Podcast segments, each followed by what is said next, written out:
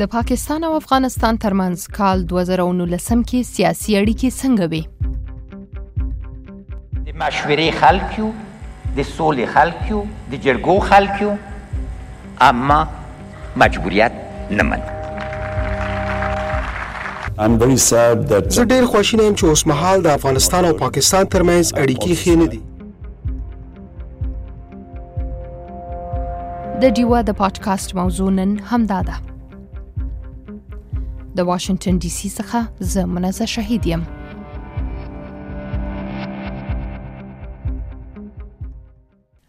د افغانستان او پاکستان دواړو ترمنځ د لسیزو راهسي بې اعتمادي پاکستان باندې طالبانو سره د ملاتړ تورونه او د ډیورنډ کرښې دواړو غاړو ته د ترهګرو ډلو د شتون غوندې لانجمنې مسلې په 2019 کال کې هم پر ځای پرتی دي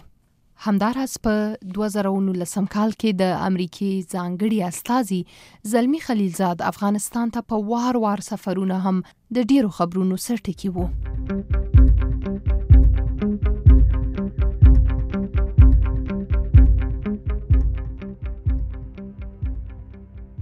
د دوه زره او نولسم کال په جنورۍ میاشت کې افغان ولسمشر اشرف غني وویل چې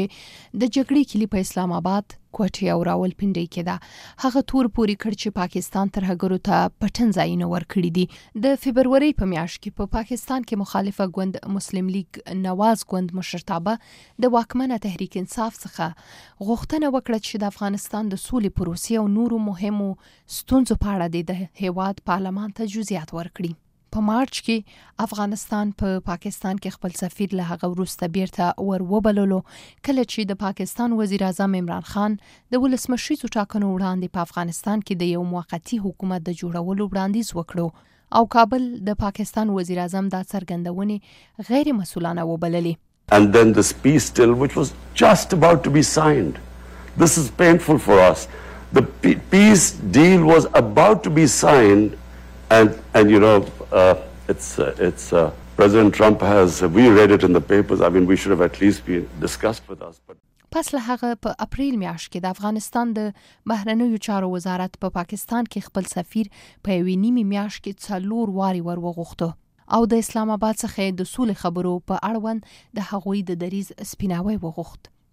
په جون میاشت کې د افغانستان ولسمشر اشرف غنی پاکستان ته سفر وکړو او هلته یې د وزیر اعظم عمران خان او پوځي مشرتابه سره د لیدو وروسته دواړو مشرانو د نوو همکاریو کلکه ژمنه وکړه که څه هم د دواړو هیوادونو مشرانو دغه ژمنې وکړې خو بیا هم په جولای میاشت کې د دواړو ترمنځ اړیکې واري بیا تاوژنې شوې او تاوتریخوالی له هغه وروسته زیات شو چې افغانستان په پا پاکستان تور پوري کړ چې کندهار کې د پولیسو په مرکز باندې برید د بلوچستان په چمن ښار کې پلان شوی وو په دغه برید کې نه ولسی وګړو په شمول 12 کسان وژل شوی وو او طالبانو یې پړه په غاړه اخیستې و زه پاکستان ته یو پیغام لرم جنازې د رو رسېدې په زور دا خاوره سولې ته نه رسي یوازې په عقل او په تدبیر رسېږي عمران خانه پلار او مور نه پښتون یې دا قضیه تحقیق که ماته برته ځواب راکه.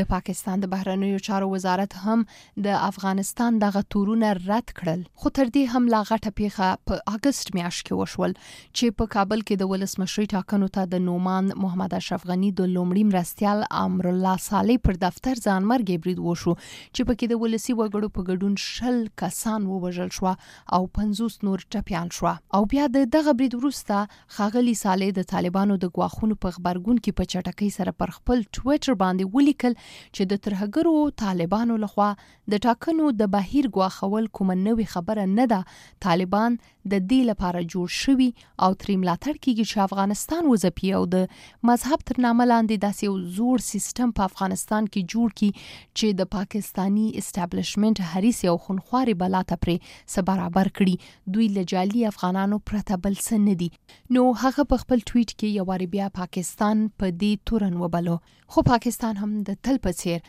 دغه تورونه رد کړي دي او بې بنیاده یې وبلل د دواړو هیوادونو ترمنځ د څو دوامدارو میاشتو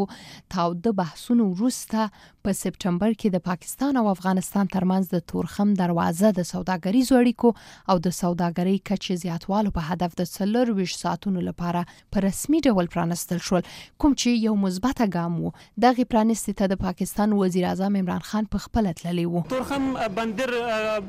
د افغانستان او بیا د ختیځ لپاره تر ټولو مهم بندر دی دلته د مالونو لیږد رالیږد د دغه تجارتي دروازې پرانستو وروسته پاکستان ادعا وکړه چې د افغانستان سره تجارت څلور څلوېښت فیصد زیات شوی دی او اسلام آباد کې د چین، افغانستان او پاکستان د بهرنیو چارو وزیرانو درېیمه غونډه هم په سپټمبر میاشت کې وشوه او د افغانستان د سولې او ثبات په حق لپاره کې خبرې هم وشوې. خو بیا د اکتوبر میاشت کې د دواړو هیوادونو ډیپلوماټیک اړیکې یوارې بیا هغه وخت تاوژن شوې کله چې په پیښور کې پاکستاني پولیسو د افغانستان د ادا شوي ملکیت په یو مارکیټ د افغانستان بیرغ کته کړلو او د افغانستان سفیر عاطف مشال تور ولګوه چې پاکستانی پولیسو په هغه مارکیټ حمله کړې ده چې ملکیت یې د افغانستان دی له هغه وروسته افغان حکومت په پیښور کې خپل قونسلګرۍ بنده کړه مونږ موقف ډیر ښکاره ده سولې کې تر څو چې افغان حکومت په لیډ کې نه وي او په پوره ډول دخیل نه وي یو طرفه هڅې خصوصا هغه هغو جایو کې دا هڅې چې هغه خپله د شک په سترګه ورته کتل کېږي، دا ګټه نه لري. او یوارې بیا هم په اکټوبر کې د ډیپلوماټیکو اړیکو د تاوتریخوالي بله پېښه په افغانستان کې د پاکستاني سفارتي مامورینو له دې توره وروسته چې د دوی عمله ځورول کېږي، د سفارت د ویزو برخه یا څانګه هم وتړله. او یو وارې بیا هم اکتوبر کې طالب پلاوی پاکستان ته ولاړل او هلته د پاکستان د بهرنیو چارو وزیر خاغلی شاه محمود قریشي سره ولیدل او ورسره افغانستان کې د سولې او په سیمه کې د امن په اړه خبرې وکړې او نږدې یو میاشت هلته پاتې شول چې د افغانستان حکومت په دې هم ډیره ناخوښي څرګنده کړه د دوه زره او نولسم کال په اخیرنۍ میاشت یعنې ډسمبر کې د اسلام آباد په سفر تللي افغان سولې لپاره د امریکا ځانګړي استازي زلمي خلیلزاد د پاکستان د پوځ سرلښکر سره لیده کاته وکړه او هلته یې د افغانستان د سولې پروسې په اړوند خبرې اترې وکړې هم په دې میاشت کې پاکستان په افغانستان کې د ولسمشرۍ ټاکنو د لومړیو پایلو هرکلی وکړ او بیا په کابل کې د پاکستان سفارت د ویزو ورکړه یواري بیا پیل کړل د پښتنو د سیمې نړیوالو خبرونو او معلوماتو زیاتولو لپاره وی او ای ډیوا سره مل اوسئ وی او ای ډیوا تاسو ته د سیمې او نړۍ پر روانو چارو نړیوال او سیمه ییز نظرونه وړاندې کوي وی او ای ډیوا سره مل پاتې شئ او نړۍ سره ځان وتړئ